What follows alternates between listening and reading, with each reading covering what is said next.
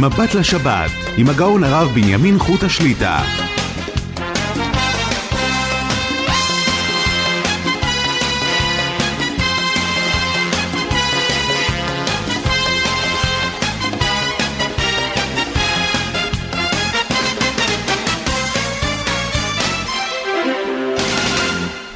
שלום וברכה, ברוך השם נפגשים לשעתיים, מבט לשבת, ערב שבת קודש, פרשת בעלותיך.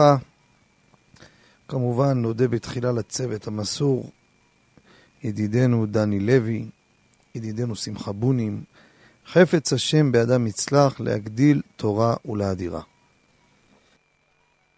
מאזינים המוניים מאוד לשידור ולשאול את שאלותיהם יכולים להתקשר כבר למספר 077 22 22 2 אחת-אחת, לאחר מכן שלוחה שמונה, להשאיר השאלה בקול ברור עם מספר טלפון, יחזור עליכם מההפקה. אני חוזר שוב, 077, חמש פעמים שתיים, אחת-אחת, לאחר מכן שלוחה שמונה. בתחילה, כדרכנו, ניתן את זמני התפילות בבית המדרש אוהל רחל ביתר עילית. המתפלל ביחיד יתפלל בשעה שהציבור מתפללים, יכוון למניין הזה. אז מחר מנחה בקו הטלפון שהזכרתי בשלוחה אחת, בשידור חי, בשידור ישיר, מנחה בשעה שש ורבע. ערבית ליל שבת עמידה, ערבית ראשונה, רבע לשבע. עמידה שנייה של ערבית בשעה שמונה וחצי. שחרית עמידה בשעה תשע, מוסף בשעה עשר, מנחה של שבת עמידה בשעה רבע לשבע, ערבית מוצאי שבת בשידור חי בטלפון בשעה שמונה ועשרים, לאחר מכן חבורת הרשב"י. ימי חול, ימות החול, תפילת שחרית בשחרית בשעה שש ורבע קורבנות, שש וחצי ברוך שאמר. מנחה משבוע הבא בשבע וחצי, שיעור וערבית בשעה שמונה ורבע, ערבית ראשונה, ערבית שנייה בשעה עשר בסיום הכולל. אמ, עוד לפני שנתחיל את הפתיח, נתחיל נושא חדש היום בעזרת השם. אתן פה דבר חשוב, תרשמו. בעזרת השם, ביום ראשון, אברכי הכולל, כולל אוהל רחל, יוצאים כל האברכים לתפילה בקברות צדיקים, וגם סעודת מצווה, סעודת סיום. וכמובן, אנחנו נזכיר את שמכם, כל מי שרוצה לשלוח, כל אחד רשאי עד שלוש שמות. אתן לכם טלפון, אפשר לשלוח הודעת אס.אם.אס או להתקשר טלפונית. תשאירו שלוש שמות, שלושה שמות, ובעזרת השם מניין אברכים, תלמידי חכמים, ויותר ממניין, בעזרת השם נזכיר אתכם בקברות צדיקים, בצפון, ברבי שמעון בר יוחאי והשאר, כמובן ללא תמורה. Uh, הטלפון, אבל מה שכן שכחתי להדגיש, אפשר להירשם אך ורק הערב עד השעה 12. לאחר מכן מבקשים לא לשלוח לא שמות ולא טלפונים. המספר 054 871 2, 9, 2, 7. אני חוזר שוב, 0, 5, 4, 8, 7, 1, 2, 9, 2, 7. בעזרת השם בתקופה הקרובה אנחנו נתחיל לעסוק בנושא מעניין, מעשי, אף שרבים התפלאו, אבל הוא מעשי לכולם. הנושא הוא, אנחנו נעסוק בהלכות ריבית בעזרת השם, בנושאים אקטואליים, נושאים מעשיים, שאלות המצויות. זה בתקופה הקרובה בעזרת השם יתברך. אבל לפני שנתחיל בהלכה, יש הקדמה לרבנו יוסף חיים הבן איש חי בפרשת העקב, שנה שנייה, ואני אקרא את חלק מההקדמה שלו, שזה גם חיזוק גם לתקופות האלו, וגם למצווה הזו בטעם המצווה.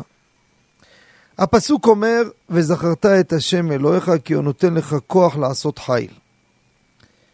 אומר רבנו יוסף חיים, נראה לי בסייעתא דשמיא. הכתוב לימד אותנו הדבר הזה, שהוא יסוד קיום העולם כולו. יסוד קיום העולם כולו. שיהיה האדם חושב תמיד על כל הטובה אשר ישיג בעולם הזה, שאינו משיגה בכוחו ועוצם ידו, אלא הכל הוא מגיע ובא לו מאיתו יתברך. ואם יהיה האדם כפוי טובה, לייחס הטובה לכוחו ועוצם ידו, הרי זה מאבד עצמו. כותב הרב, ולהיות שטבע החומר שבאדם מושך ליבו לחשוב תהפוכות, שמראה לעיניו שכוחו ועוצם ידו עשה לו כל החיל הזה, לכן ניתנו לנו שלוש מצוות שהם מעידים ומגידים שכל קנייני העולם הזה הם שלא יתברך. אני מדלג, מה הם השלושה? מצווה ראשונה היא מצוות השמיטה. אנחנו בערב השמיטה. שבשנה השביעית יעזוב ויטוש האדם כרמו ושדהו לזרים, כאילו אינם שלו, כאשר גזר השם יתברך בתורה. ובזה מוכח שהאדמה אינה של האדם, אלא היא של השם יתברך. כי אם היא של האדם, לא יעזבנה ויתשנה. וזאת המצווה, תהיה מזכרת לאדם שיזכור תמיד, שהוא יתברך נותן לנו כוח לעשות חיל. מצווה ראשונה, מצוות השמיטה. אדם יש לו שדה, כל הזמן עובד, מטפל, משקיע, פתאום מגיע שנת השמיטה, פותח את השערים, יוצא החוצה. הפקר. זה נותן לאדם שיעור מעשי להבין ולהמחיש שהכל של השם יתברך. מצווה השנייה זה הברכות. אכילה, ריח, שאין האדם רשאי ליהנות עד שיברך להשם יתברך. וזה ראיה שהכל מאיתו. והמצווה השלישית, מצווה שניתנה בממון ובנכסים, והיא מצוות הריבית. ריבית, שציווה השם יתברך שלא ילווה האדם לחברו מעות, או כל דבר שווה כסף, בנשך ומרבית, אלא ילווהו בחינם. ומזה הוכחה שהממון שבידינו זה שלא יתברך. לכן גזל הלוות בחינם. כי אם זה של האדם, למה ילווה ויענה לאיש זר בחינם בלי שום מנה? וזו המצווה תהיה מזכרת לאדם לזכור תמיד, כי הוא יתברך נותן לנו כוח לעשות חיל. יש פה שלושה מצוות, שמיטה, ברכות וריבית. אומר רבנו יוסף חיים, הראשי תיבות שלהם, בשר, ברכות, שמיטה, ריבית. אומר, מביא פה כמה פסוקים, אומר, נותן לחם לכל בשר. אם האדם יחשוב וידע את הדבר הזה, אז הוא יודע שהכל מאיתו נותן לחם למי שיש לו בשר. למי שיש לו את הברכות, את עניין השמיטה ועניין הריבית. עכשיו, ניגש להקדמה בריבית. יש לנו כמה וכמה סוגי ריבית, רבותיי. אבל שנדע קודם כל, מהו האיסור הריבית? בתורה, כותב הרמב"ם בהלכות מלווה ולווה, פרק ד' הלכה ב'. כדרך שאסור להלוות, כך אסור ללוות בריבית. שנאמר, לא תשיך לאחיך. מה זה להשיך? מפי השמועה למדו שזו אזהרה ללווה, כלומר, שלא תינשך לאחיך. הלווה, אסור לו לתת למלווה שינשוך אותו. מה זה לנשוך? הוא נושך ממנו, הוא מוציא מכספו. קיבל הלוואה אלף שקלים, החזיר אלף ואחד, נשך ממנו אחד. וכן אסור להתעסק בין לווה ומלווה בריבית, וכל מי שערב או סופר או עד ביניהם עובר בלא תעשה, שנאמר לו תשימון עליו נשך. זו אזהרה אף לעדים, לערב ולסופר. הלמדת. המלווה בריבית עובר שישה לווין. שישה, רבותיי, איסורי לאו מן התורה. כאילו אכל שישה כזיתות של בשר דבר אחר, חזיר. מה השישה? לא תשימון עליו נשך, לא תהיה לו כנושה, את כספך לא תיתן לו בנשך, ובמרבית לא תיתן אוכליך, אל תיקח מאיתו נשך ותרבית, ולפני העיוור לא תיתן מכשול. המלווה עובר, רבותיי, בהלוואה בריבית, שישה לווים מהתורה.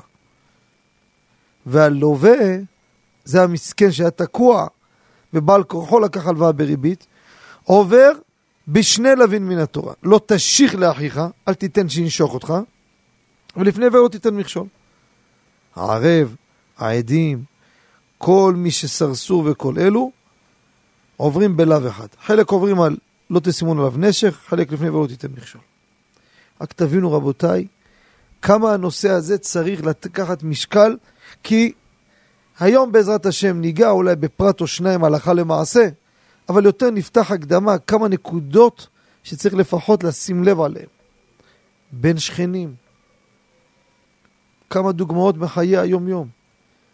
שכנה לוקחת מחברתה שקית חלב, ליטר. הלכה החזירה למחרת ליטר חלב בקרטון. זה ריבית.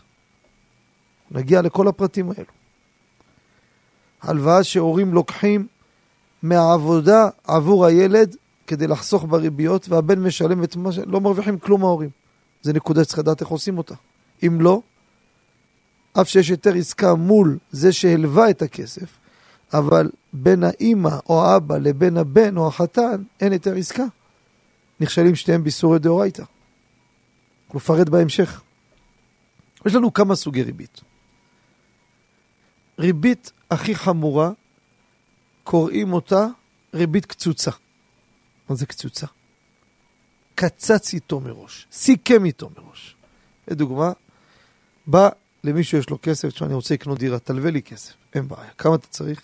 אני מקצין, רבותיי, תראו, לדוגמה, גם זה דאורייתא. תן לי מיליון שקל.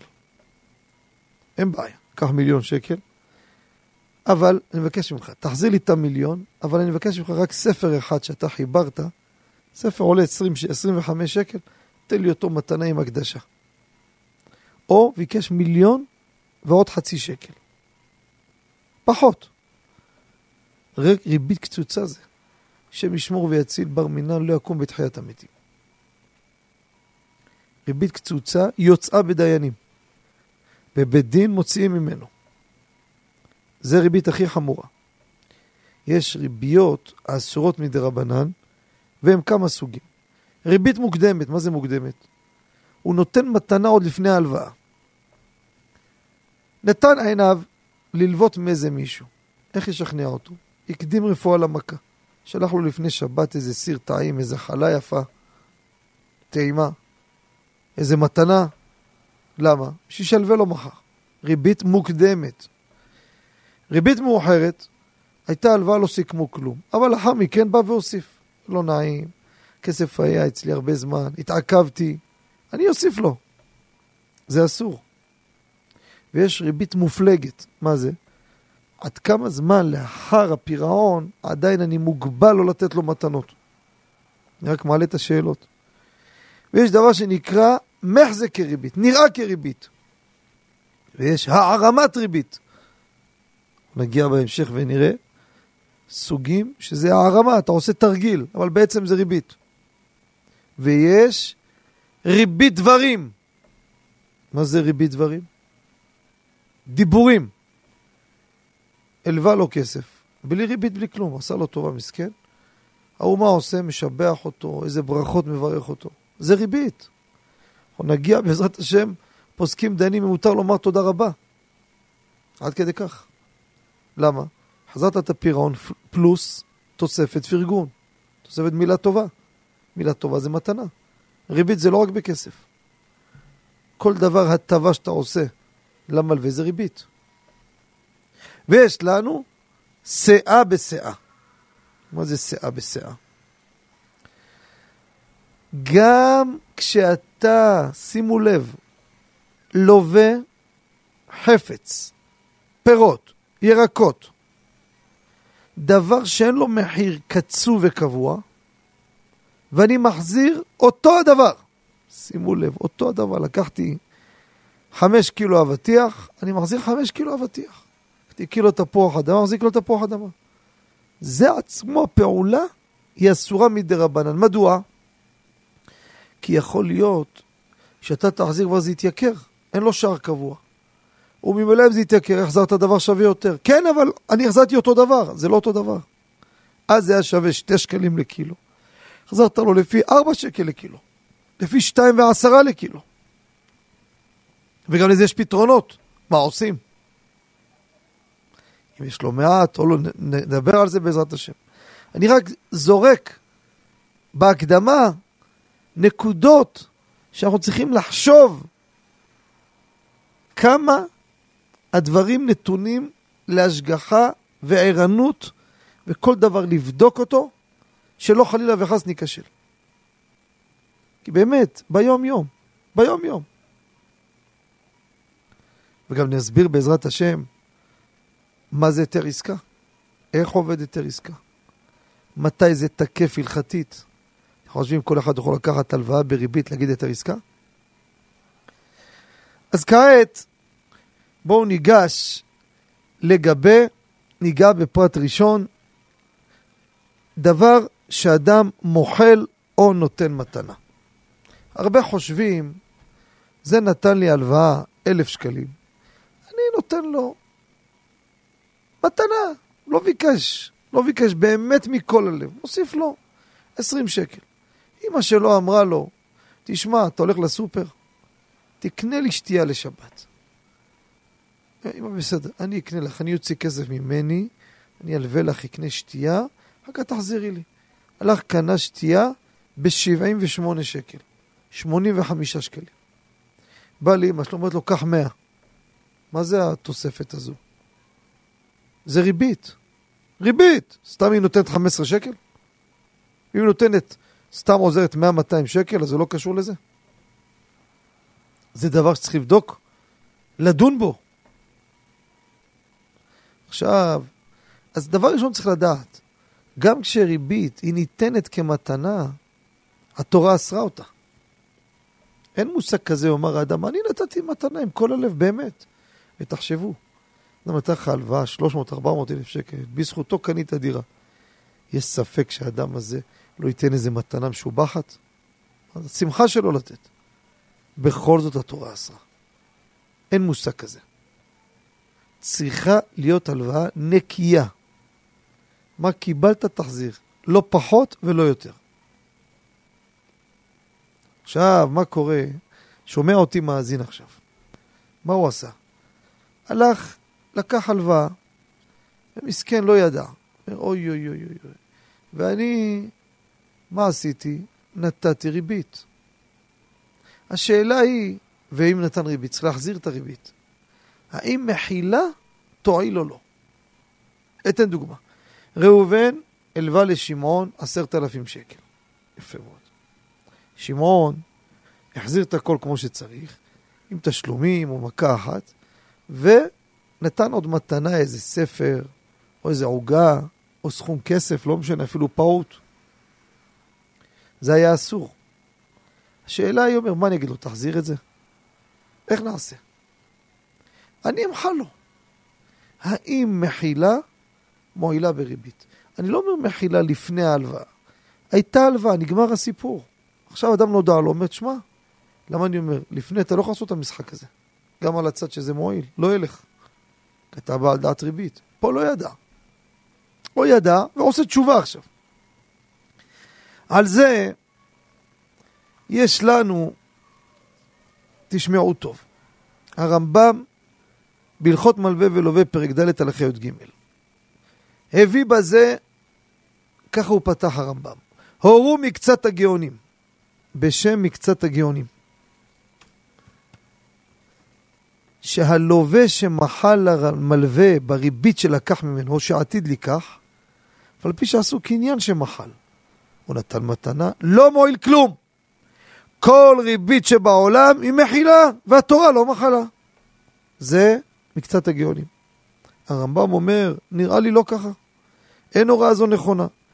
מאחר שאומרים למלווה להחזיר לו, וידע המלווה שדבר איסור עשה, ויש לו ליטול ממנו. אם רצה למחול, מוחל, כדרך שמוחל הגזל. מוכיח את זה מה שמוכיח. בא הראב"ד, אומר, אמר אברהם, חיי ראשי, תראו זה לשון שבועה. הוראת הגאונים נכונה היא. אם כן, מלווה בריבית יעשו להתיר להם ריבית. הנה טריק. כל אחד ילווה ויגיד, אני אחרי זה אמחל. ככה טוען הרעב"ד. יוצא פה מחלוקת ראשונים. צד אחד מקצת הגאונים והרעב"ד, שהם טוענים שאין דבר כזה. מחילה לא מועיל. אבל הרמב"ם פוסק שמי שנתן ריבית ולא נעים לו וכדומה, הוא מוכן למחול, רשאי למחול על הריבית ובזה לא חייבים להוציא ממנו. וכך פוסק מרן השולחן ערוך. יורד דעה קס, סעיף ה'. אפילו אם אמר לו, בשעת לקיחת הריבית, אני נותן לך מתנה, אסור לקבלו ממנו, אבל אם לקח ממנו ריבית וצריך להחזירו לו, מועלת מחילה לפוטרו. מועיל, כמו בכל גזל, מועיל. כך כותב מרן שולחן ערוך. מחילה, מועילה, לאחר שעשו את הטעות, מועילה, פתרנו את הבעיה. וכך הלכה למעשה. זאת אומרת, אדם שיודע שנתן למישהו ריבית באיסור, אומר, מה אני עושה עכשיו? מה, אני אגיד לו, יריב איתי, אומר, מה, אתה עושה משחקים? סיכרנו, אתה מבקש חזרה? יגיד, אני מוחה לו, וזה נגמר. זה קניין. אגביה חפץ, שיהיה מחילה בקניין, אני מוחה לו על מה שהוא צריך להחזיר לי, וזה מועיל. ממשיך מרן לשולחן ערוך ואומר, תדע לך, מתנה על מנת להחזיר בריבית אסור. בהרבה הרבה גופי תורה, מתנה על מנת להחזיר שמה מתנה. אני נותן לך מתנה, בעידן שתחזיר לי אותה. בזמן המתנה אתה משתמש, זה נקרא מתנה כאילו הבאתי לך לגמרי. ארבעת המינים, פדיון הבן. יש מקרים שלא, כמו למשל לקדש אישה אי אפשר. אין פה גמירות דעת, על להחזיר, אז אני לא קיבלתי ממך כלום, בפועל. אני צריכה להחזיר, זה לא יועיל. אומר מרן, מתנה על מנת להחזיר, בריבית זה אסור. עכשיו, אני רוצה לנגוע בשאלה אקטואלית. יש הרבה אנשים בעלי דרך ארץ, אנשים עם לב חם. שכנה לקחה מחברתה איזה סיר שהייתה צריכה לבשל לכבוד שבת.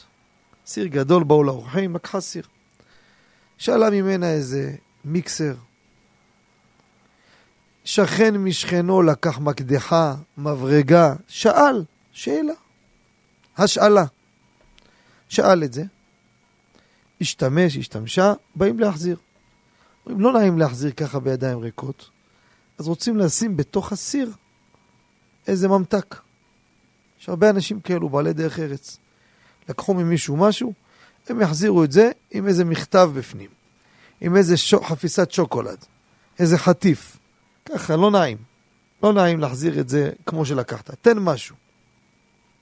האם הדבר הזה מותר או אסור? ועל אותה שאלה, אדם סוחר אוטו. הוא לוקח אוטו ליום או יומיים, קיבל אוטו, הוא מחזיר אוטו, מחזיר רכב, פלוס 200-300 שקל. בא עם ריבית. הרי אמרנו בהלוואה, קיבלת, תחזיר בול, אל תוסיף. אז איך אנחנו מתמודדים עם זה? אז מי שנגע בזה, הראש רבנו אשר, בבא מציעה פרק חמישי, זה פרק שעוסק בהלכות ריבית. איזהו נשך. סימן א', אומר רבנו אשר הראש, אחד משלושת עמודי הוראה, בהשאלה ושכירות אין ריבית. דבר שאני שואל, מה ההבדל בין השאלה להלוואה? הלוואה שאני לווה מהאדם, אני לוקח את הדבר בשביל להשתמש בו ולכלות אותו. להוציא אותו, להביא אחד אחר.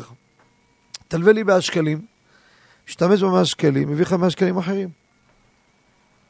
תלווה לי בקבוק שתייה, אני שותה את השתייה, מביא בקבוק אחרת. אז זה נקרא הלוואה. השאלה פירושו, תשאיל לי בבקשה. לדוגמה, עט, אני מחזיר את אותו עט. את אותו חפץ אני מחזיר. אני לא מכלה אותו, לא מוציא אותו, לא אוכל אותו. דבר שניתן להוצאה, שאני מוציא אותו, לא משאיר אותו בעינו, בזה קיימים הלכות ריבית. מלווה להוצאה ניתנה. מלווה להוצאה ניתנה. ניתן להוציא.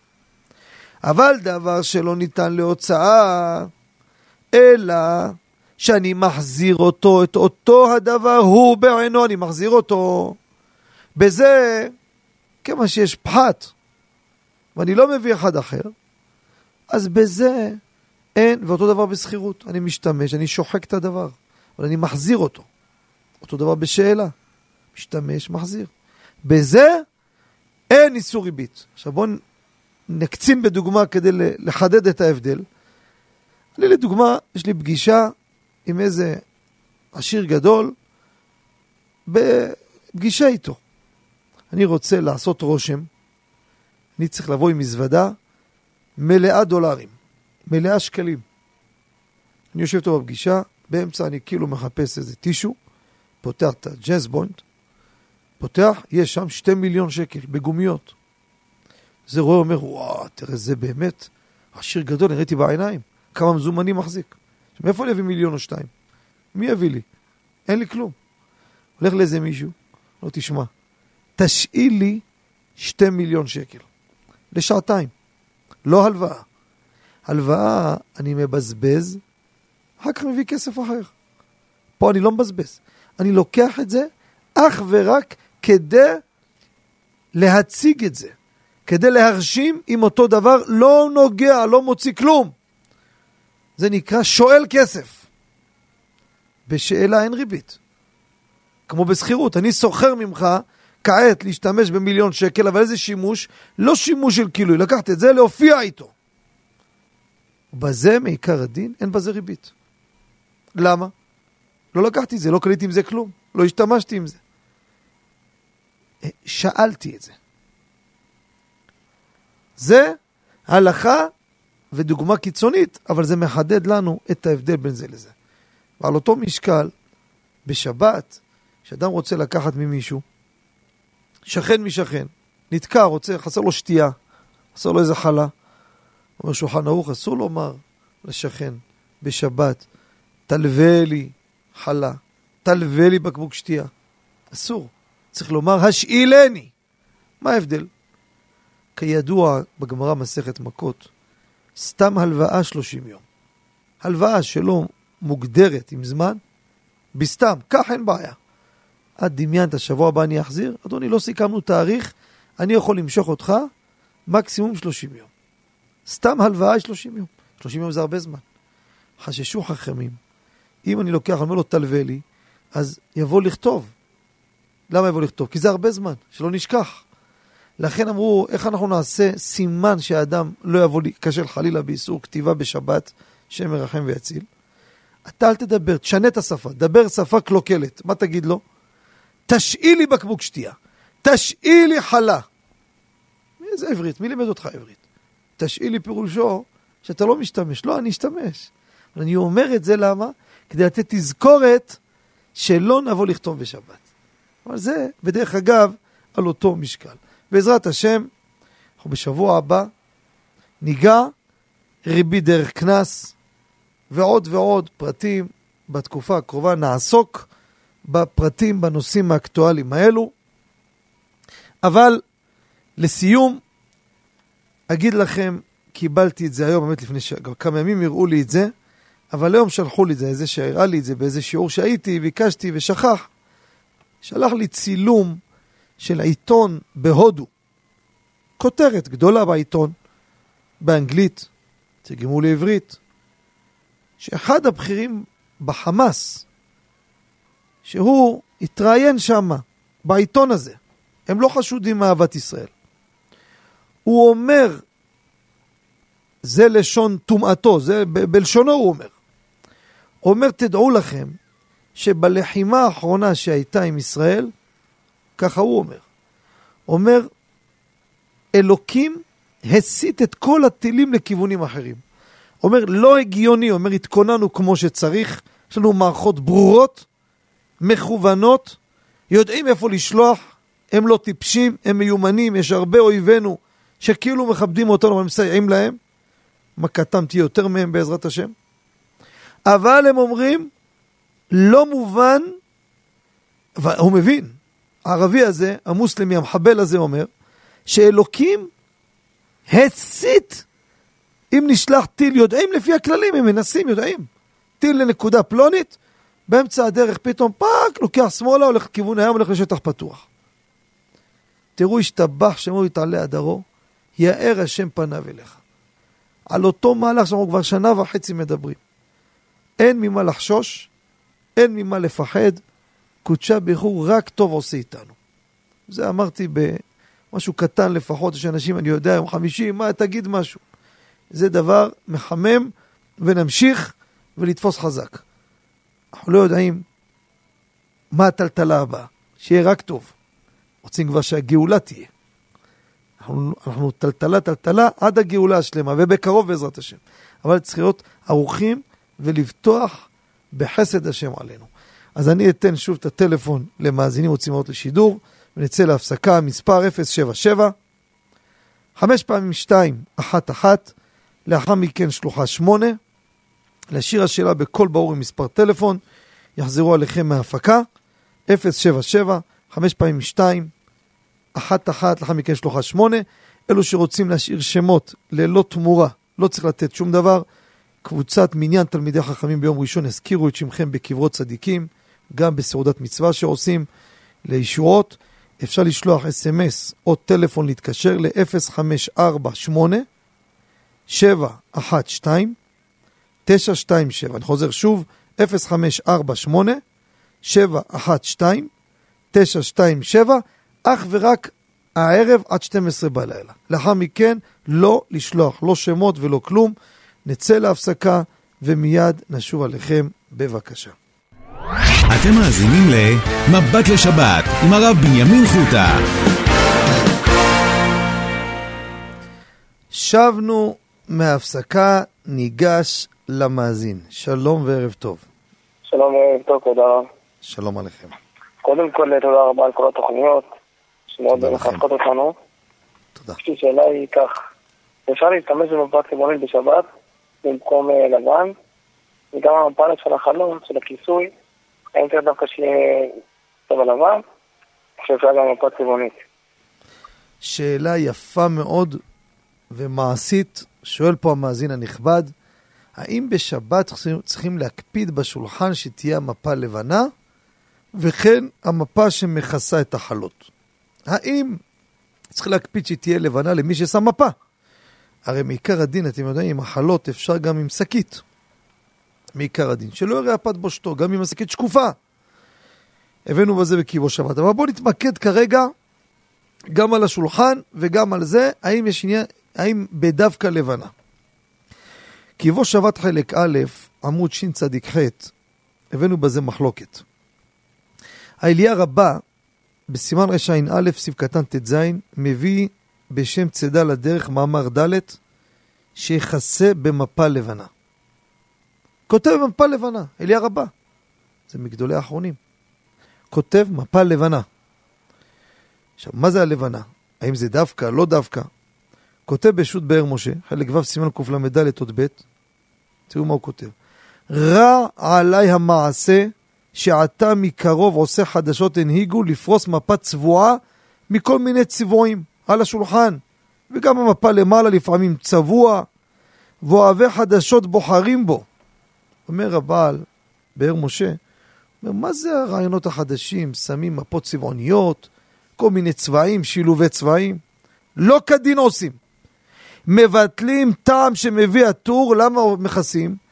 רמז לטל למטה וטל למעלה, שיהיה לבן. הוא היה לבן, סליחה. הטל היה בצבע לבן. אומר, מזה היה מכוסה המן, מכוסה בטל. אם זה לבן, תשים דווקא לבן. ככה לומד דבר משה. אבל יש לנו, רבותיי, תהילה לדוד, סעיף קטן י"ג, הוא לומד בדעת האליה רבה, ולשיטתו אין מחלוקת בכלל. וכך פוסק מרן הרב עובדיה בחזון עובדיה, שבת ב' עמוד ט"ו, שמה שכותב האליה רבה מפה לבנה, אין הכוונה ללבנה, אלא שתהיה מכובסת ושלא אכלו עליה, שתהיה נקייה. שולחן, על הלחם, אותו דבר. ולכן הלכה למעשה. מה שאנחנו רואים, כל מיני עיצובים, בשבת בבית, אם זה שבת חתן, צבעים, מפה, אה, אני יודע מה, אפורה ומפיונים לבנים וכל מיני שילובים. או אדם קנה קטיפה, משהו יפה, או מעור, אפור, שחור, כחול, עם פרחוני, אין בזה שום בעיה, רבותיי. הלכה למעשה, מותר הדבר ואין בזה חשש. אחד שרוצה להקפיד רק לבן, יש דעה כזאת, הבאתי בפניכם. אבל הלכה למעשה, אין עניין ולא צריך להקפיד בזה, אם רואים יופי יותר. ו, ובאמת ככה, היום בדור שלנו, יופי זה דבר שהוא משתנה, כל דבר לתקופה שלו. היום אתה רואה, אתה נכנס לאירועים, זה אולמות, שבע ברכות, שילובי צבעים. אז זה אחרת לגמרי, זה הרבה יותר יפה מהלבן. ולכן אפשר לעשות כדבר הזה, ואין בזה חשש. יישר כוח לכבודו על השאלה. יישר כוח שלכם, שבת שלום ומבורך. שלום שלום. נעבור למאזין הבא. שלום וערב טוב. שלום וברכה, ערב טוב. ערב טוב ומבורך. שלום וברכה. אה, קודם כל רציתי לומר לרב אה, יישר כוח עצום על התוכנית, הרב מאוד מאוד מחזק אותנו. תודה אה, לכם. באמונה, בביטחון, בציפייה לגאולה. תודה לכם. יישר כוח גם על התשובות המחכימות. תודה רבה.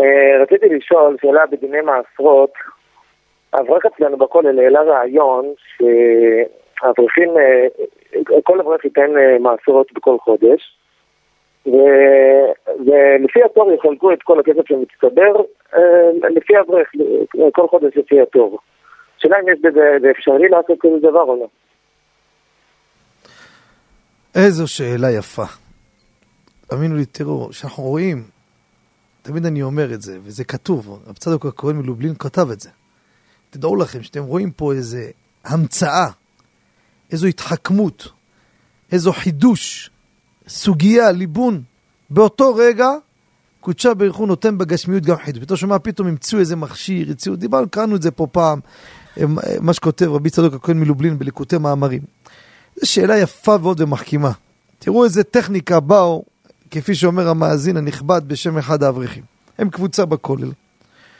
רוצים לעשר כספים. אמרו בואו נעשה פטנט. אנחנו דוגמה קבוצה, עשרה אברכים. כל חודש אנחנו מפרישים כל אחד את המעשרות שלו. שמים בקופה. החודש הזה, ראובן ייקח את כל הקופה. נתתי מעשרות, מצוין. חודש הבא, שמעון ייקח את כל הקופה. חודש הזה, לוי. אחרי זה יגאל. אחרי זה משה. שלמה, דוד. שורה אחרונה, סבב, סבב, סבב. שווה לי לעשות את זה. בסוף, כל מה שנתתי קיבלתי, כי זה אותו הקופה והכל חוזר. אמת שיש שינוי בסכומים, נכון, אני מודע לזה, ודאי, שהרי החודש אני הפרשתי דוגמה 300 שקלים, 400 שקלים, חודש אחר, יכול להיות שאני שם רק 200. כשיגיע התור שלי, פלוני ישים פחות.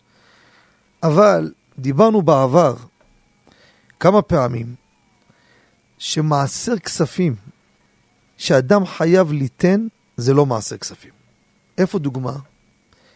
שלצערי היא קצת קיימת. יש ראשי כוללים שהם אומרים לאברך תבוא תלמד אצלי, המלגה שלך לחודש 2,000 שקלים.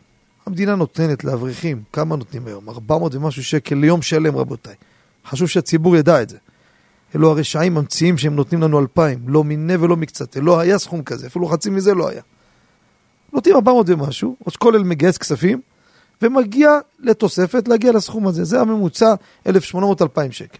אומר ראש כולל לאברך, מעשרות מ-2,000 תיתן לכולל, 200. אבל הוא מחייב אותו, איך הוא מחייב אותו? אפילו אם הוא משחק במילים, הוא יודע, אברך שלא ייתן, לא ימצא את המקום שלו. ייגמר העונה של החורף או הקיץ, יגידו, נלך הביתה. נמצא שזה חובה, זה משחק מילים, הוא לא נתן 2,000, הוא נתן 1,800. ואם הוא נתן 1,800, אז בעצם האברך גם לא עיסר, כי ה-200 זה סתם חובה שהוא צריך להחזיר. דיברנו על זה בעבר. לעניות דעתי, המשחק פה אותו דבר. והטריק הזה לא יועיל. למה? אני בעצם נותן, והם חייבים להחזיר לי את זה. אלא מה? בתורנות. חודש אתה תיקח, חודש אתה תיקח, בסוף שורה האחרונה, פעם בשלושה חודשים אני אקבל חבילה גדולה, שפחות או יותר, יכול להיות יותר, יכול להיות פחות קצת, אני בעצם כל מה שנתתי אני אקבל בחזרה. בפרט שזה גם דבר שהוא חובה. למה הוא חובה? אנחנו עושים הסכם בינינו. אף אחד לא ייתן לי את המעשרות אם אני לא אשתתף בקבוצה ואתן. עכשיו, אם יאמר מישהו, בסדר, למדנו, דיברנו על זה פה בעבר, שמעשר כספים, פעמים שאדם יכול לקחת לעצמו, מה הכוונה? הבאנו שוט, תשובת מנחת יצחק חלק ו' סימן קא, על פי תשובת התשבץ בחלק ב' סימן קל"א, הייתה פה מישהי מאזינה שעלתה פה לפני, לא יודע, חצי שנה, שלושת רבעי שנה, שהיא הייתה רווקה, מפרישה, מפרישה, הצטבר לה כסף, וכל פעם מעבירה צדקות. התחתנה, יש לה חבילה של כסף של צדקה. בעלה אברך, היא רואה שאת החודש הם לא גומרים, רוצה לקחת מהקופה לעצמה, היא גם זקוקה. והבאנו שכדי פרנסת ביתו אפשר להקל שהיא תיקח. היא ובעלה מהקופה הזו. זה קופה קיימת, אם לוקחים. אבל אדם לא יכול להגיד, שמע, אני מפריש ונותן לעצמי, זה לא הפריש. מעביר מהכיס הזה לכיס הזה, וזה בעצם מה שהם רוצים לעשות פה. לכן, הדבר הזה נקרא חוכא ואיטלולה ולא יעזור. יכול להיות רעיונות אחרים, יכול להיות, אם נגיד, יעשו הגרלה ביניהם. זה לעניות דעתי יכול לעבוד יפה. רק זה ריזיקה. יפרישו לקופה, וכל חודש יעשו הגרלה. בין העשרה, רק בין העשרה אברכים. זה אני יכול להבין. נותנים ממעשר כספים להגרלה, אף שאם אני זוכה אני מקבל לא רק את מה שנתתי, הרבה יותר. וגם יכול להיות שבעצם אני לא אקבל, אולי פעם הבאה אני אזכה ואחרים יזכו כמה פעמים. אז זה לא דבר שהוא ברור ומחייב, אין פה התחייבות שאני אזכה. זה, הדבר הזה, יועיל לפטנט הזה. אבל הפטנט שכבודו הביא, לעניות דעתי, הוא מאוד בעייתי בנושא של מעשר כספים. טוב, יישר כוח. כן. אה, מה שעוד רציתי לשאול, כן. אה, אה, כשנולד לאחד האברכים ילד, אז אוספים מכל אברך איזשהו סכום ונותנים לו מתנה. השאלה, השאלה אם דבר כזה זה אפשרי. א', מצד ה... כאילו, יש איזושהי רגילות שכל אברך נותן סכום, ודבר שני, גם בסוף יגיע השלב שגם לא ייוולד ילד וגם הוא יקבל. יפה, יפה. אה, בדבר הזה, לעניות דעתי, משתי, משתי כיוונים אני, זה יהיה מותר הדבר הזה. דבר ראשון, גם אם לא תיתן אתה באיזה חודש, שיוולד לך, הם ייתנו לך. אבל בוא נגיד שזה מותנה רק מי שנותן, גם זה אני אומר שמותר. ותשאל אותי למה, הרי אתה עושה תנאי. ואם אני עושה, מה התנאי? שיוולד לי ילד. יכול להיות שפלוני ייוולד לו כבר ארבעה ילדים, ואתה ארבע שנים אין לך שום ילד. והוא יקבל ארבע פעמים. רק מה שכן דבר חשוב, שנותנים לו את המעטפה בברית, או שנולדה לו בת, תכתבו במעטפה מעשר כספים. למה? אם נתתם לו מתנה ולא כתוב מעשר כספים, על פי ההלכה כמבואר בשולחן ערוך אבן העזר סימן ס', מי שקיבל מתנה חייב להחזיר. במקרה הזה הוא לא חייב להחזיר, כי לא נתתם מתנה. נתתם כספי צדקה. אתם לא יכולים לקבל על הצדקה שנתתם, באירוע שלכם תקבלו מתנה ממנו, בתור חובה של החזרת מתנה. לכן, תמיד אני אומר, מי שנותן מתנה לזוג נזקקים או מתחילים, נותנים להם ממעשר כספים, חייבים לספר להם, לעדכן, זה ממעשר כספים.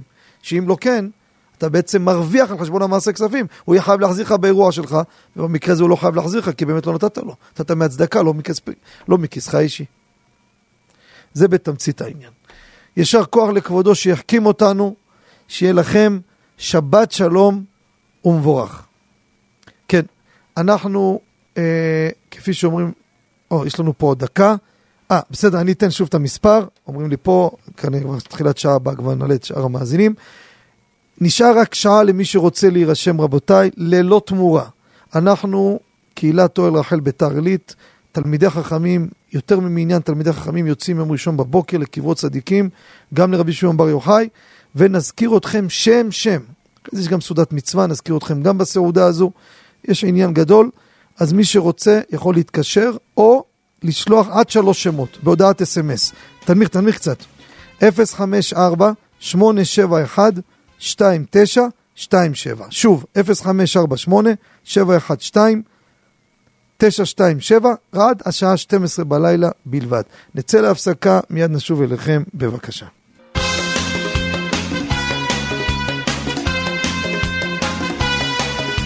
מבט לשבת, עם הגאון הרב בנימין חוט השליטה.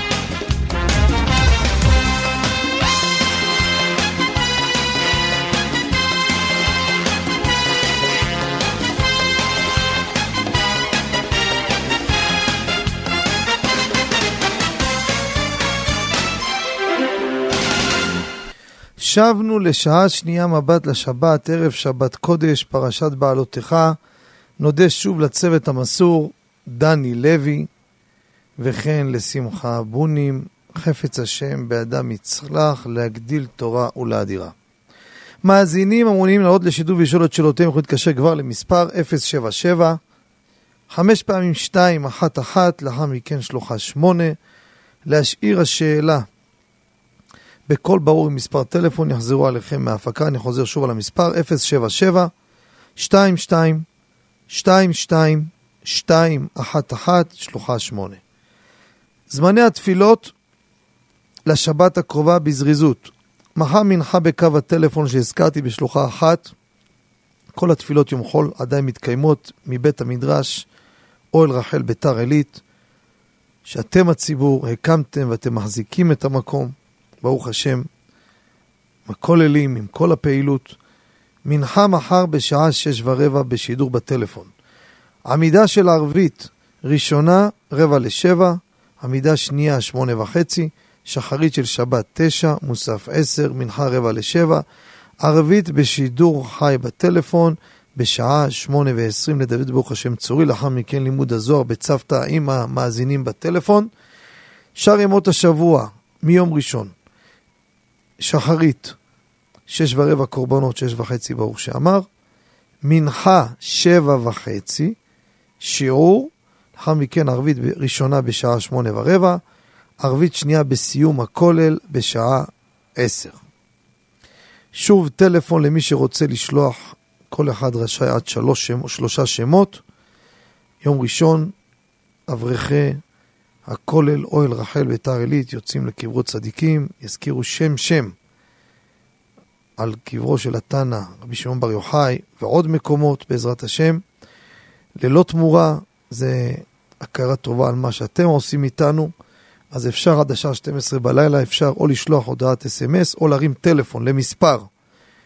רק עד 12, לאחר מכן לא להתקשר ולא לשלוח הודעות. 054 871 29 27, אני חוזר שוב, 054 871 29 27. יזכירו אתכם, גם מצווה, גם אז יזכירו אתכם לברכה בכל העניינים. לפני שניגש למאזין, כדרכנו, הבמה למען מלכי רבנן, מחברי הספרים.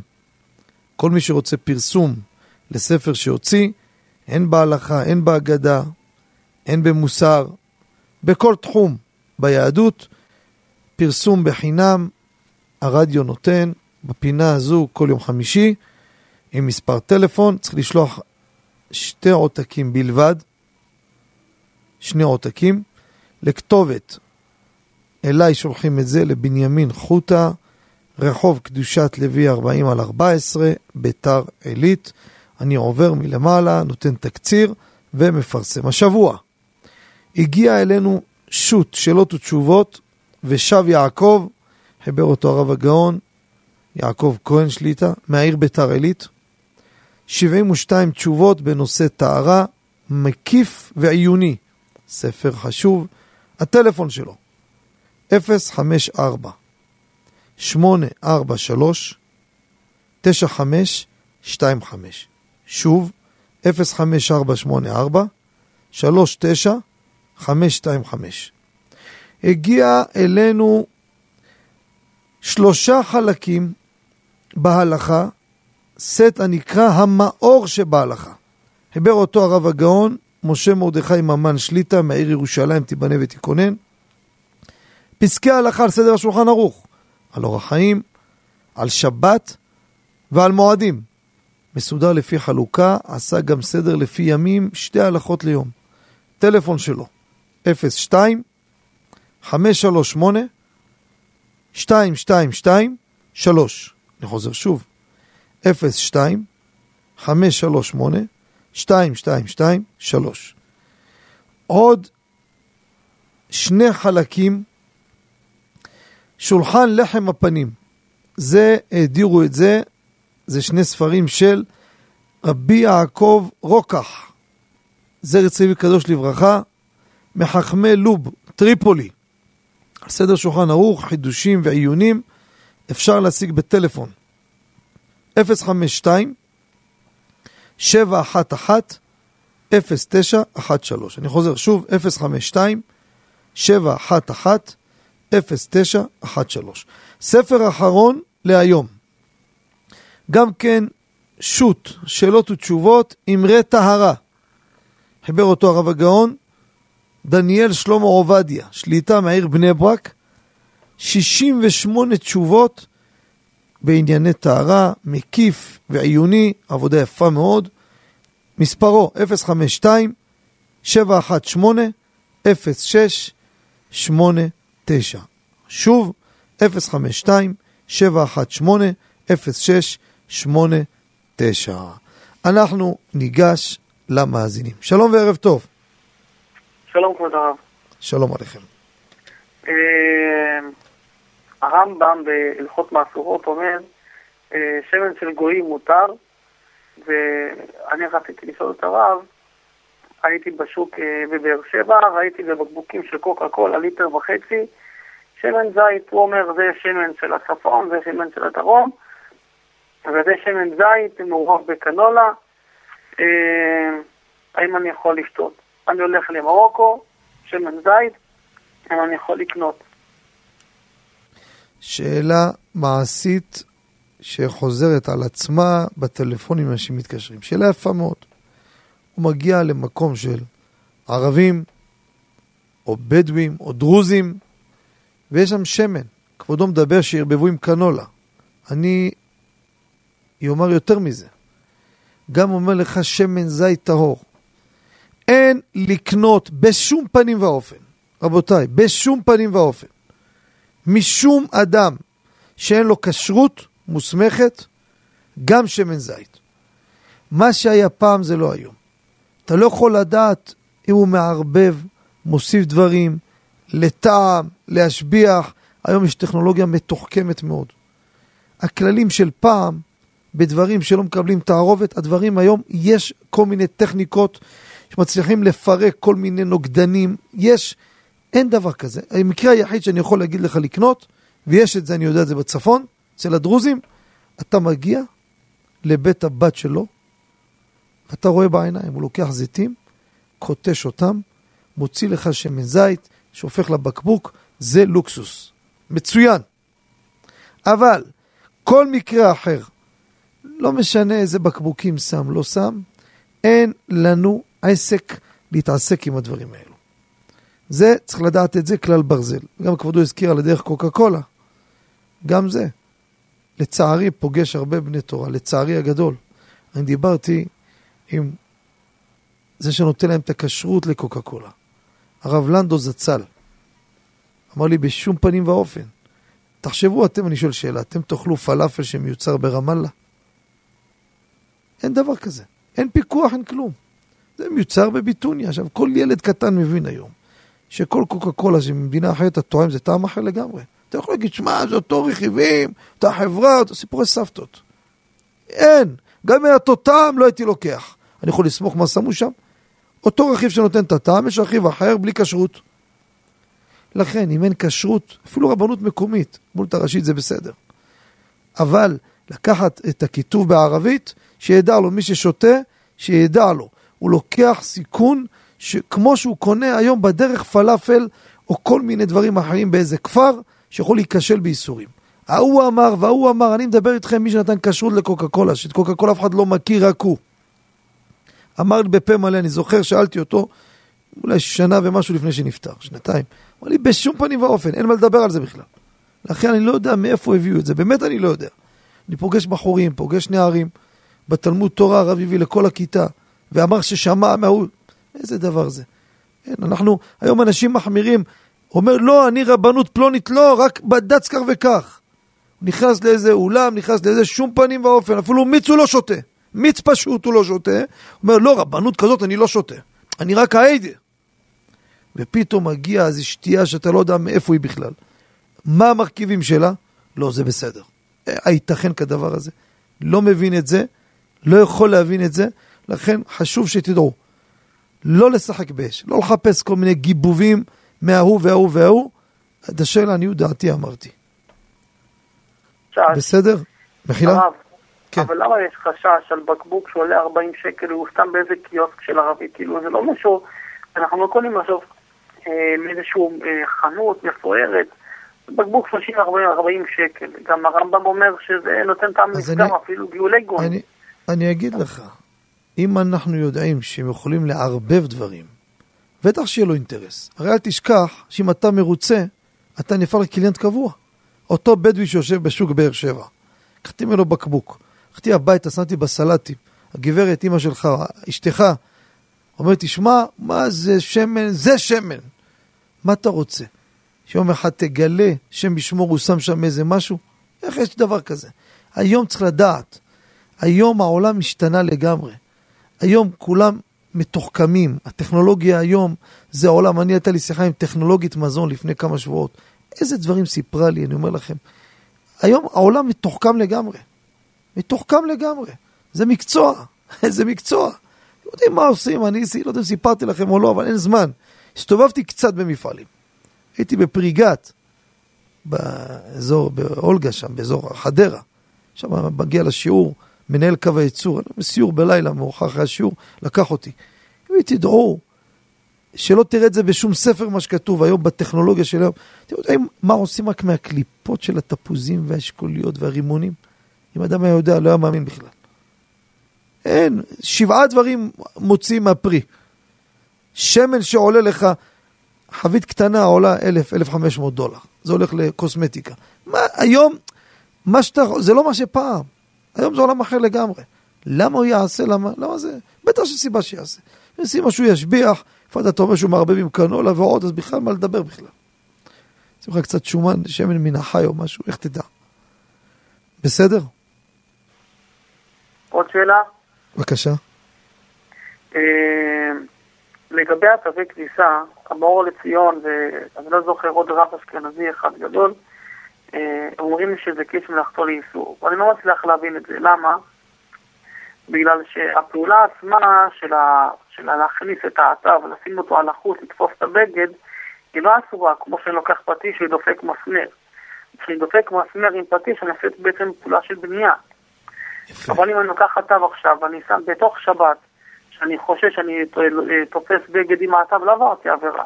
אז למה לקרוא לכלי הזה יפה. כביש מלאכתו לאיסור? מישהו אחד יפה. אמר לי בגלל שהוא מיועד למשהו שלא מלאכתו. אני קשה להבין את זה. אני אגיד אם לך. הרב יכול להביא דוגמה למה שהרב אומר, שאני אוכל כאילו לראות בעוד משהו במקום אחר, את אותו חוק. אני אגיד לך. לך. אגיד לך. לא צריך להביא דוגמה, הוא יהיה הדוגמה. אני אגיד לך, כבודו, מאוד דבר פשוט.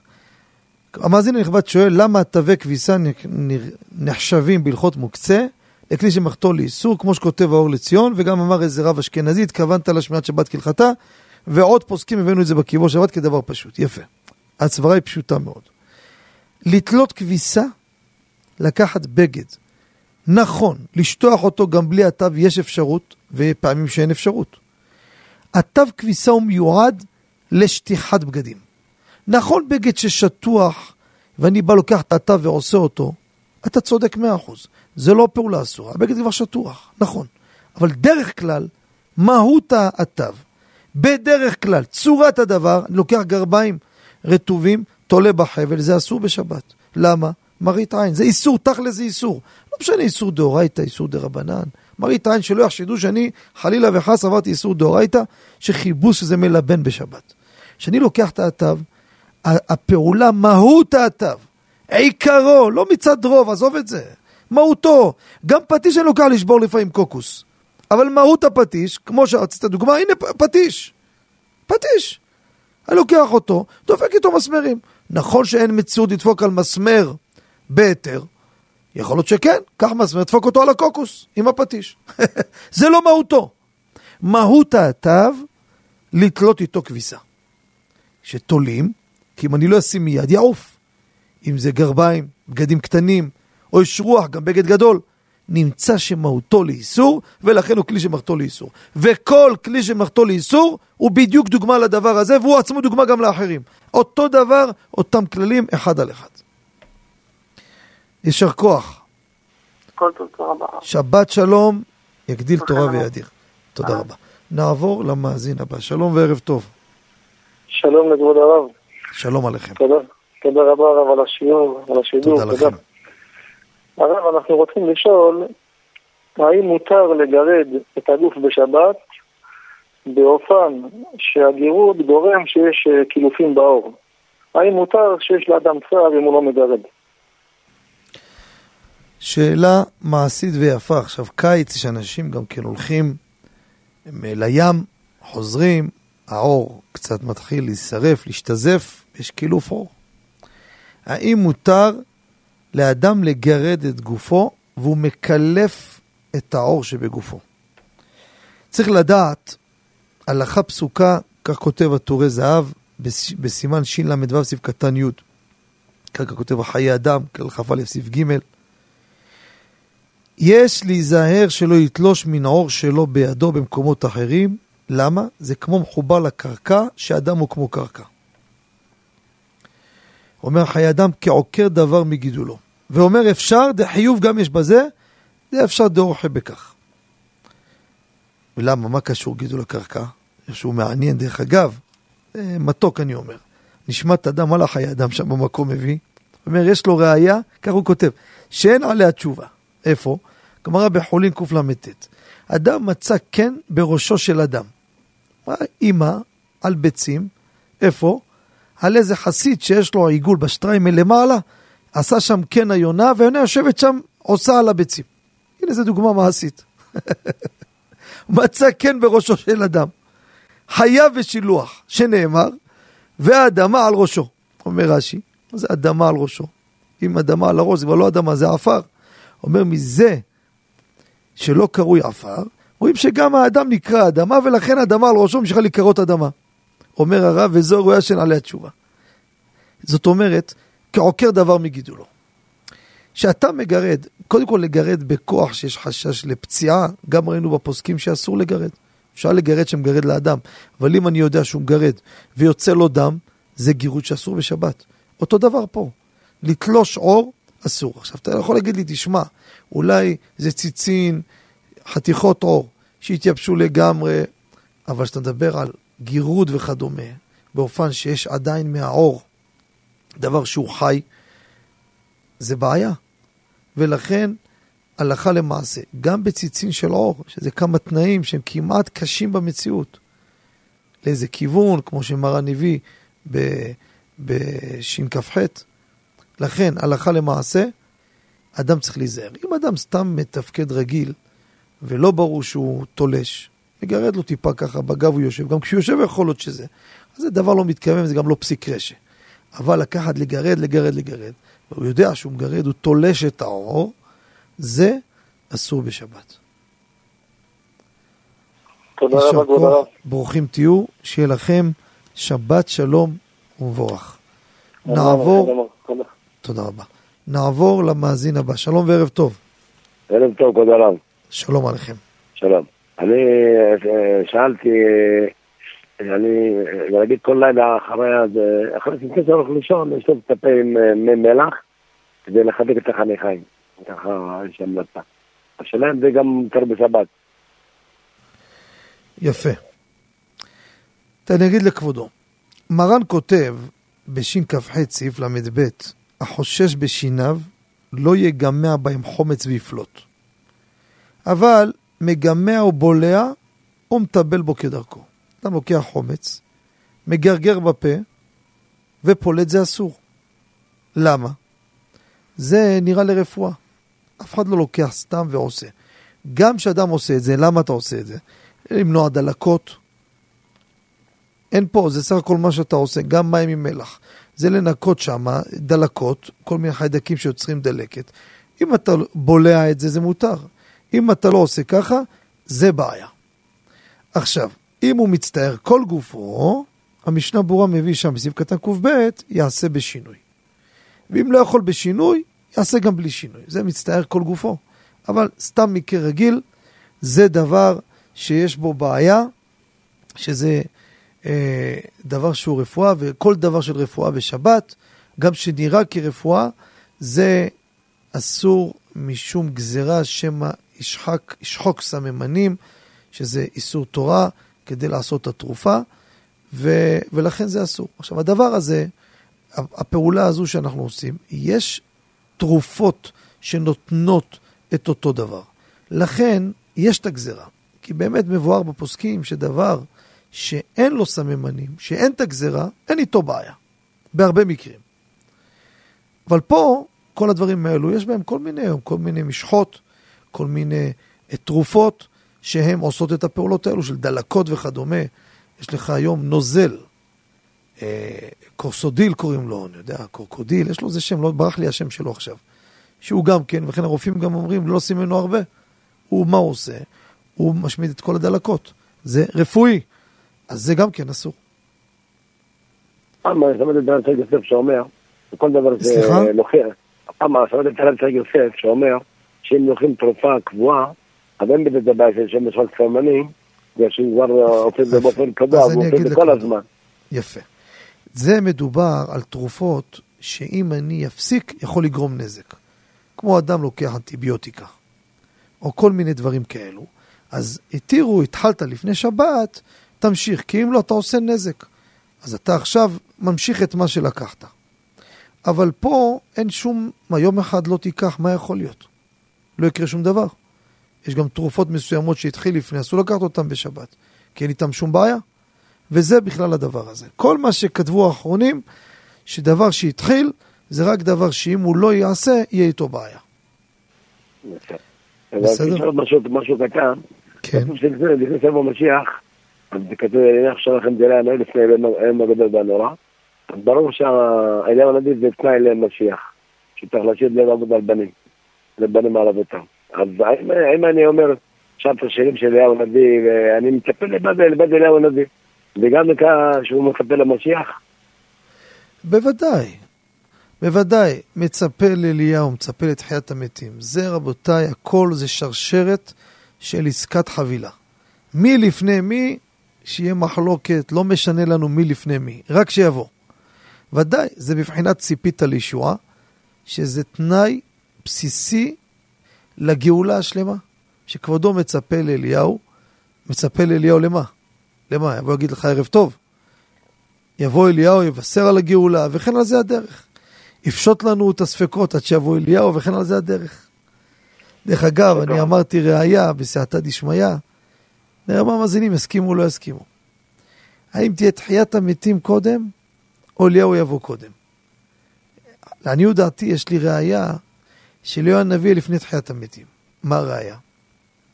בגמרא הרבה פעמים יש ספקות בדברי איזה תנא, שמה הוא התכוון? לפה או לפה? ומתווכחים, מתווכחים, ויש פעמים שהגמרא סוגרת תיקו. תיקו זה יעמוד. תיקום, תעמוד.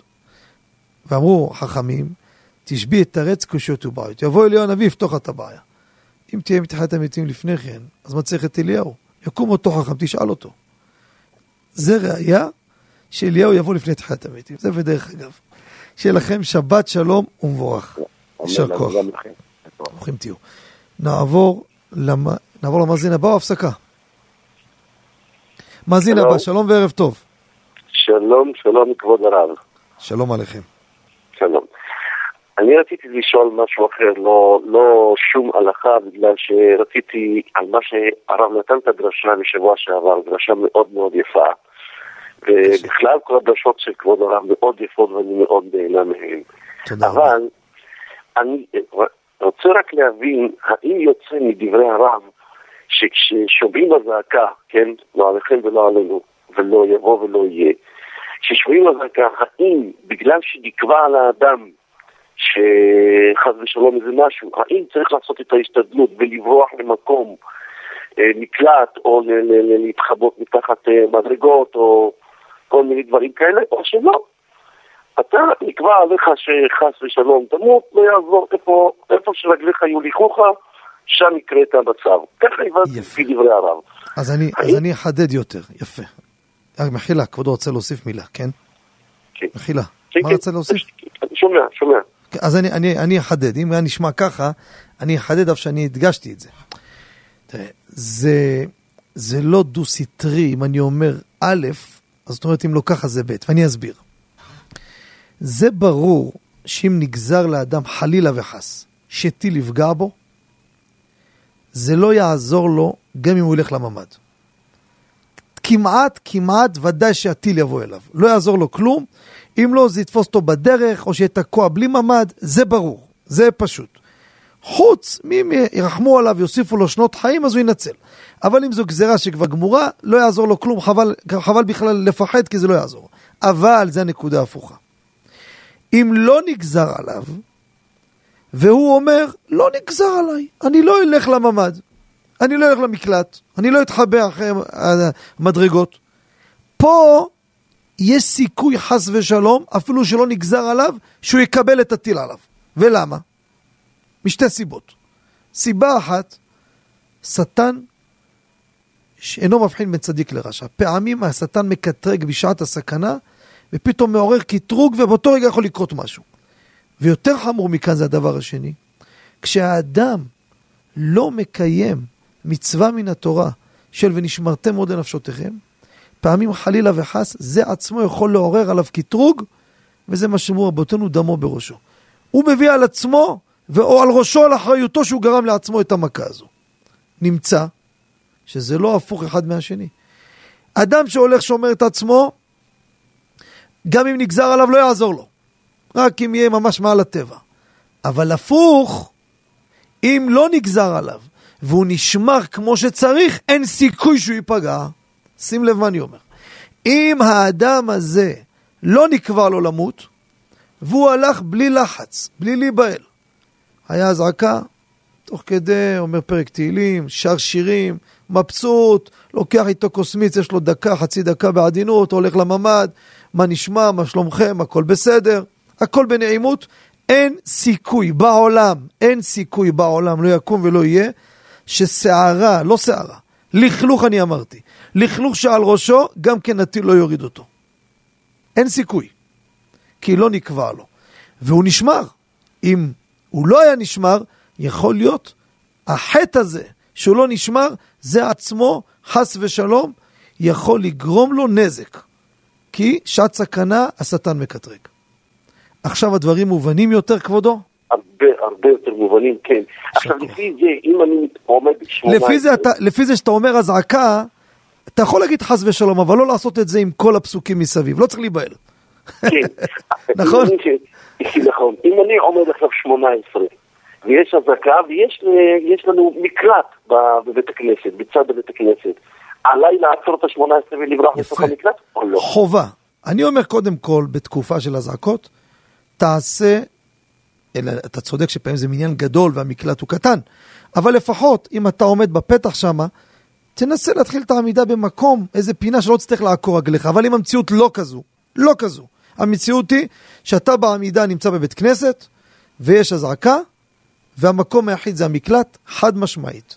אתה עוקר רגליך ורץ בעדינות, לא להשתגע, שלא חלילה ינזק.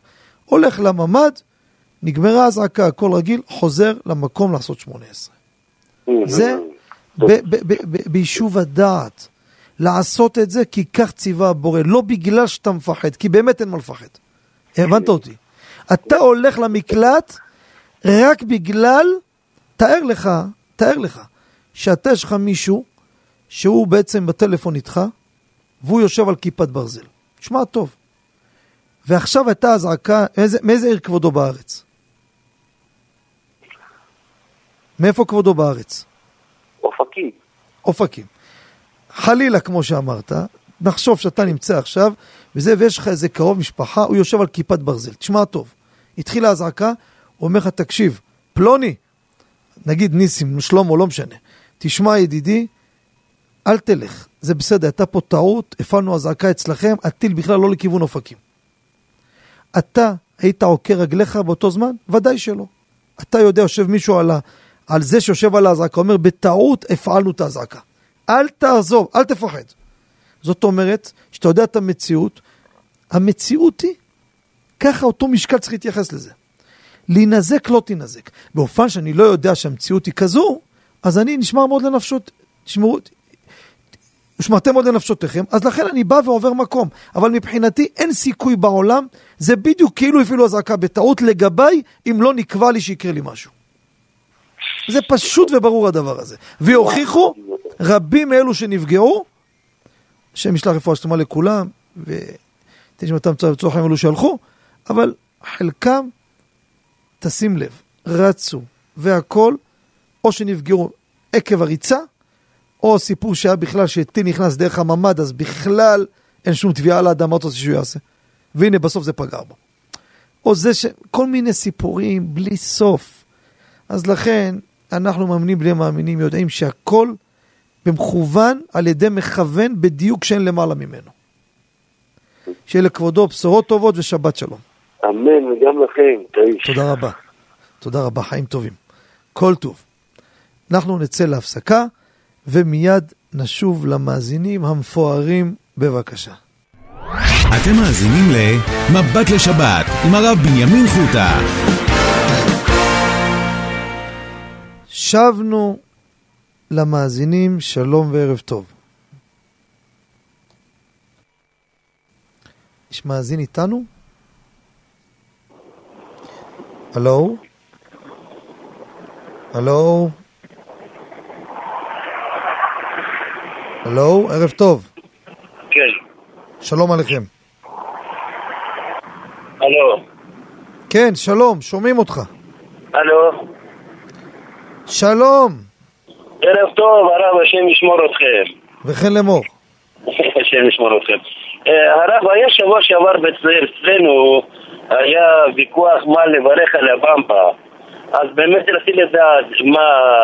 יש, הבנתי יש במבה שכתוב על זה 60 ו... 50 ו... 56 אחוז. אני יודע, אז אומר לברך על זה. אני אגיד? לכבודו. בסדר. קודם כל אני אתן הסבר איך עושים את הבמבה, ואז נגיד הלכה למעשה את אשר נראה לעניות דעתי במשנתו של מרן עטרת ראשנו. הבמבה עשויה לוקחים, זה לאחר בירור, אני אומר לכם, עם המפקחים בעדה החרדית שיושבים באוסם, במפעלים שמייצרים במבה, זה המנגנון, ואני אסביר לכם גם למה יש הבדלים בטעמים בין החברות, לפי מה שנסביר כעת. לוקחים קמח תירס גרוס. תירס, טחון, נהיה קמח. מערבבים איתו מעט מים. מלח, מכניסים אותו למטחנה גדולה בכוח אדיר. קוראים לזה extruder, משהו כזה. הוא יוצא מחורים בקוטר של כמה מילימטר, מרוב הלחץ, שהוא פוגש אוויר, הוא מיד מתנפח. זה הבמבה. ממתינים, מתייבש עד שנהיה קריספי, אתה רואה את המרקם שלו, בהתחלה הוא רך. אחרי זה מערבבים אותו עם חמאת בוטנים. עכשיו שימו לב, לפי האיכות, כמה שיותר החמאה יותר בכמות, הבמבה יותר טובה, יותר טעימה. אבל ממתינים עם זה יום ויותר, עד שסופג את החמאה בבוטן. ב... ב... נקרא לו בבמבה. זה בקצרה הבמבה, שזה החמת בוטנים עצמה, גם כן עם מלח וכולי. עכשיו, במה זה תלוי הדבר הזה כדי לגוע בהלכה? קודם כל נתתי הסבר איך זה, איך זה נעשה. מרן שולחן ערוך, סימן רב, סעיף ז' כותב, תמרים שמעכם ביד.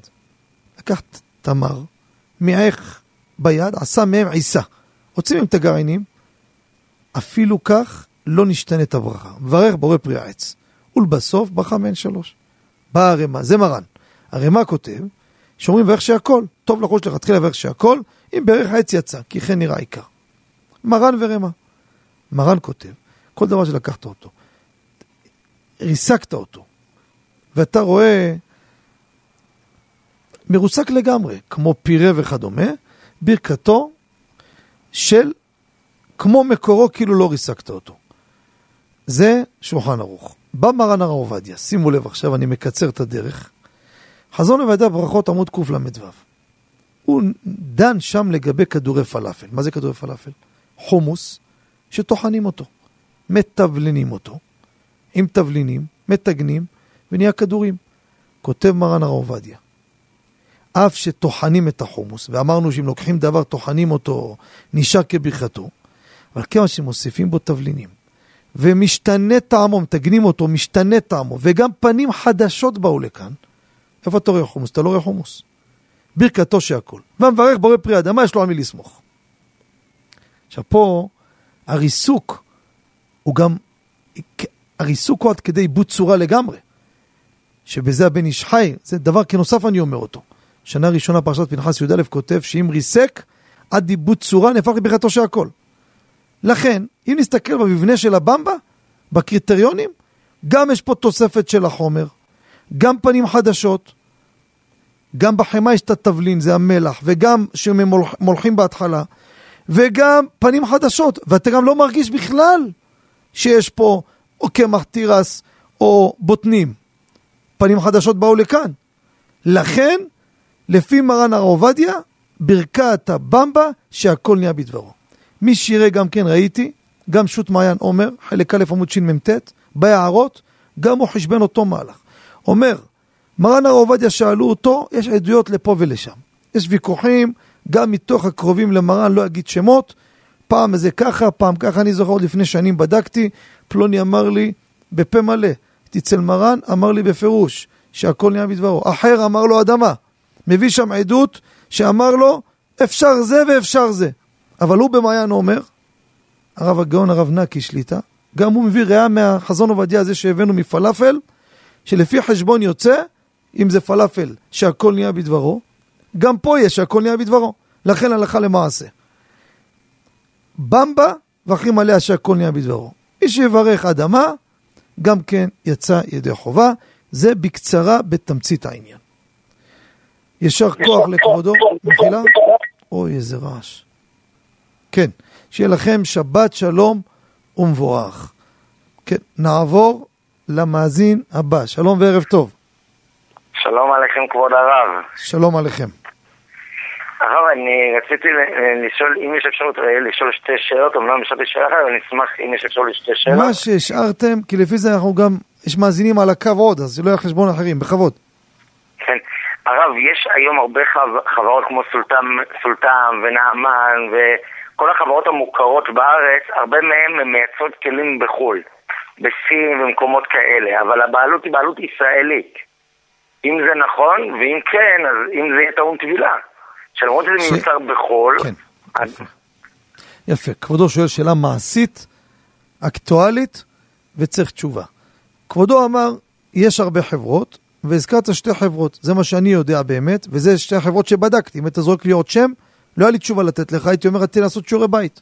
אז באמת, סולטם ונעמן, זה שתי חברות שבשנים האחרונות, ואני מדי פעם מתקשר להתעדכן, שתי החברות האלו, רבותיי, גם בנעמן, לאחר בירור עם המנכ"ל, מר דודו כהן, וגם עם סולטם, זכורני שמו נפתלי, הוא גם מהמנהלה שמה, לאחר בירור, כל הכלים שלהם הם תוצרת חוץ, יצור של גויים גמור. זה לא שהחברות האלו, סולטם או נעמן, קונים חומר ושוכרים את המפעלים לייצר, לא. הם באים לסין, אם זה סין, אם זה טורקיה, הסברנו את זה לפני החג, גם לגבי סולטם. כל היצור שלהם, יצור של גויים, וחייבים טבילת כלים עם ברכה. כל אלו. אמת שפעם בסולטם, ויש כאלו שעד היום אומרים ככה, מחוסר אה, ידיעה ולא מתעדכנים, כי יש הרבה דברים שהשתנו. סולטם באמת, זו הייתה חברה ישראלית. מייצרת בישראל, בקריית גת ועוד. והחברה הזו ב-2015, שנת 2015, הייתה בפשיטת רגל, נמכרה לאחרים. עוד לפני כן גם התחילו את הייצור, עבר לטורקיה, כי את ה... הסביר לי המנהל שם, שאת השבלונות וה... האלו שאיתם מייצרים את הצורות של הסירים, היה מפעל בטורקיה שהם מצאו, שווה להם יותר זול לייצר שם, ואחרי זה הם עברו לסין, למשל לא נרוסטה עבר לסין. הם מייצרים עד היום בטורקיה את הנרוסטה שלהם. זה לא משנה. טורקיה, סין, כל אלו גויים, ולכן כל הכלים האלו הם תפילת כלים בברכה. שאר חברות, שאני רואה חברה שכתוב סין, כתוב טורקיה, כתוב מה? אני מטביל עם ברכה. תשאל אותי, כן, אבל מחילה, יש פה ספק. אולי זה יהודי שהוא מייצר, יש שם יהודים שיש להם מפעלים בסין, או בטורקיה. אז לכאורה יש פה ספק, וידוע ספק ברכות להקל, אז איך אתה מברך על טבילת כלים? עטרת ראשנו מרן רבי עובדיה בהליכות עולם עומד על השאלה הזו, והוא משיב. נכון, בספק, אני מחמת הספק לא נכנס לחשש ברכה של דת הרמב"ם, זה איסור דאורייתא, לא תישא, שם השם לא יוכל לשווא וכולי, נכון. אבל כשהספק הוא ספק מציאות, והרוב המציאותי, המציאות הוא הרוב, ודאי מחייב ברכה. הרי רוב העולם לא מייצרים יהודים. רוב זה גויים. אז ברוב מציאותי, אני אומר, הולכים אחרי הרוב, וממילא אין פה ספק ברכות וגם עם ברכה. ולכן, כל כלי תוצרת חו"ל, אתה מברך עליו על טבילת כלים. למעט אם אתה יודע ספציפי על חברה מסוימת, ששם זה יצור יהודי, שם אתה לא תטביל ולא תברך. אבל כל שאתה לא יודע, חזרנו לכל דה פריש, הפורש מהרוב פורש, והרוב זה גויים, ולכן טבילת כלים עם ברכה. אפשר עוד שאלה הרב בחילה? ממש בקצרה? אומר, אומרים לי פה באוזניות שיש עוד מאזינים על הקו, ואמרו לכבודו ששאלות כן, שמשאירים כן, את זה לשאול. אז, אז לא להביך לא אותי ולא את האחרים. מאוד מעשיר לנו את הידיעות תודה רבה. שיהיה לכם שבת שלום ומבורך. כל טוב. נעבור למאזין הבא. שלום וערב טוב. שלום, ערב טוב, כבוד הרב. שלום עליכם. Uh, רצינו לשאול, uh, יש, uh, האם מותר לומר שמע שמע תוך כדי שיר? הרי מי שאומר שמע שמע, משתיקים אותו. האם בשיר, בזמרה, זה, זה כן אפשרי, ונרות יום טוב, אם שכחו להדליק לפני החג. יפה. אז ככה, בואו נזדרז. שתי שאלות חשובות מאוד. שאלה יפה מאוד השאלה הראשונה, שואל המאזין הנכבד, שיש זמר, הוא עושה שיר עכשיו, רוצה לחזק את הציבור, שמע ישראל. אז הוא עושה שמע ישראל, אומר את זה פעמיים. או שמע, שמע, או שמע ישראל, גומר, חוזר עוד פעם. מרן שולחן אור כותב סימן ס"א, סעיף ט', אסור לומר שמע בית פעמים. אסור. הלכה פסוקה. בין שכופה לתיבות שאומר שמע שמע, או כופל את כל הפסוק הראשון, שמע ישראל השם לקרוא שם אחד, וחוזר עוד פעם, אסור. למה? נראה חס ושלום, חלילה, כאילו מקבל עליו שתי רשויות. אומר, שמע זה לאחד, ועוד פעם לעוד חס ושלום. אין, השם אלוקינו השם אחד. רק זה יש. אם אתה עושה פעמיים, זה נראה חס ושלום, כאילו אתה אומר, יש פה עוד רשות. ראינו כמה דוגמאות בנושא הזה, חלק דברים דיברנו פה, חלק כתבנו בספרים. דוגמה, שתה מקרא ואחד תרגום. הגעת לפסוק הזה, שמע ישראל... איך אתה חוזר על זה פעמיים? באמת, בקיבו שבת, בחלק א', עמוד תר"ב, הבאנו בזה מחלוקת, יש פוסקים שאומרים, בגלל הבעיה הזו, אל תחזור על הפסוק פעמיים. תגמור את כל ה... ואהבת את השם אלוקי... אחר כך תחזור, שלא יהיה ברצף שמע שמע. אבל הלכה למעשה, הבאנו את מרן הרב עובדיה, ועוד פוסקים על פי המאמר מרדכי, זה ניכר שאתה לא בא לומר פעמיים. כי כל הפסוקים אמרת פעמיים, בגלל שאתה מקרא. לכן הלכה למעשה, דבר שהוא ניכר, שאתה אומר אותו מסיבה אחרת, אין חשש. זה כלל. עכשיו, הבאנו בעליבא דהילכתא, בחלק ב', סימן נ"ה, גם נושא בעל אותו משקל. אנחנו מסיימים בערבית עלינו לשבח. איך נוהגים הרבה? תורתך שלנו כתוב לאמור, שמע ישראל, שמע השם שם אחד. כאילו מה עושים? הגיע קריאת שמע בעונתה, הוא מתחיל, שמע ישראל, אה, אמרת שמע ישראל, אתה חוזר עוד פעם. אמרנו לומר שם, שיהיה הפסק ביניהם, תאמר, רבותיי, קריאת שמע בעונתה. למה? זה נראה אומר פעמיים. אבל כל מקום שזה לא נראה מהסיבה הזו, זה כבר סיבה, סיבה אחרת. זאת אומרת, לא יהיה את האיסור. לפי זה, אדם ששר, מה הוא שר? הוא משבח לבורא יתברך. מה הוא שר? נו, זה, זה, זה, זה בדיוק אמירה של שמע ישראל. איך אומר פעמיים שמע שמע? זה בדיוק כל האומר שמע שמע משתקים אותו. לכן לעניות דעתי, זמר שעושה את השיר, אסור לו לחזור ברצף על הפסוק פעמיים, או על המילה הזו, שמע, שמע, שמע, שמע. עכשיו לגבי מה שכבודו הביא, אה, השאלה השנייה. בעצם, נרות יום טוב, כבודו שאל, שכח להדליק לפני החג. לכתחילה הכי טוב להדליק לפני החג, באמת, ככה מבואה בפוסקים. אבל הלכה למעשה, זה יום טוב, לא, לא חל בשבת. גם אחרי הערבית, גם בחושך, שחזרו מהתפילה, עדיין חובת הדלקה קיימת. למה? צריך שיהיה נר דולק, שלום בית. שבת, השם ישמור ויציל, אסור להדליק. אין לי מה לעשות, אני מדליק לפני כניסת שבת. אבל ביום טוב אפשר להדליק מאש לאש. אבל בזה מבואר בפוסקים, לך תחילה בכל מצב. האדם צריך לדאוג שלכתחילה אני אומר, לא מעכב, להדליק לפני. שכח, היה טרוד, זה קורה בראש שנה ביום השני, הרבה לא יודעים בכלל מה, צריך להדליק פעמיים? כן, שני ימים טובים. חושבים, לא, זה יום אחד, יום האריכתא, שזה משפט יום האריכתא. פתאום נודע לו, ומאוחר בלילה גם כמדליקים. זה בתמצית העניין. כן, אנחנו, אה, אנחנו אה, מתקרבים לסיומה של התוכנית. ראשית נודה לקודשה ברכו על הטוב שעושה עמנו, על התוכנית שעתיים. נודה לצוות המסור דני לוי וכן שמחה בונים. חפץ השם בידם יצלח להגדיל תורה ולאדירה. נודה למאזינים הנכבדים שמחכימים אותנו בכל שבוע, אני תמיד אומר, שאלות יפות, מחכימות. גם אם אתה קיבלת תשובה, תעלה אותה. זיכוי הרבים. מה אתם חושבים, שאם אני מוסר את השיעור, זה הכל שלי? חס ושלום. המאזינים, הרי אם אין שאלה מעניינת, אז איך תהיה תשובה? אז אתם מביאים דברים טובים, גם הציבור מחכים, מקבל היקף, וככה זיכוי הרבים. מיני ומנכון, ובעזרת השם גם אנחנו יוצאים ספרים, הדברים נכתבים, ואז זה, זה ממשיך הלאה. אליבא דילכתא, בסייעתא דשמיא, שלושה כרכים יצאו. רק שאלות מעניינות אקטואליות. שם כבר, אני לא טועה, בסייעתא דשמיא עברנו מעל אלף שאלות ותשובות. אז כדאי מאוד, מי שיש דברים מעניינים, דברים שיש בהם עניין לציבור, במערכת שלנו, 077, 5 פעמים 211 בשלוחה 8. אז אה, שיהיה לכולם, רבותיי, מאזינים נכבדים, שבת שלום ומבורך.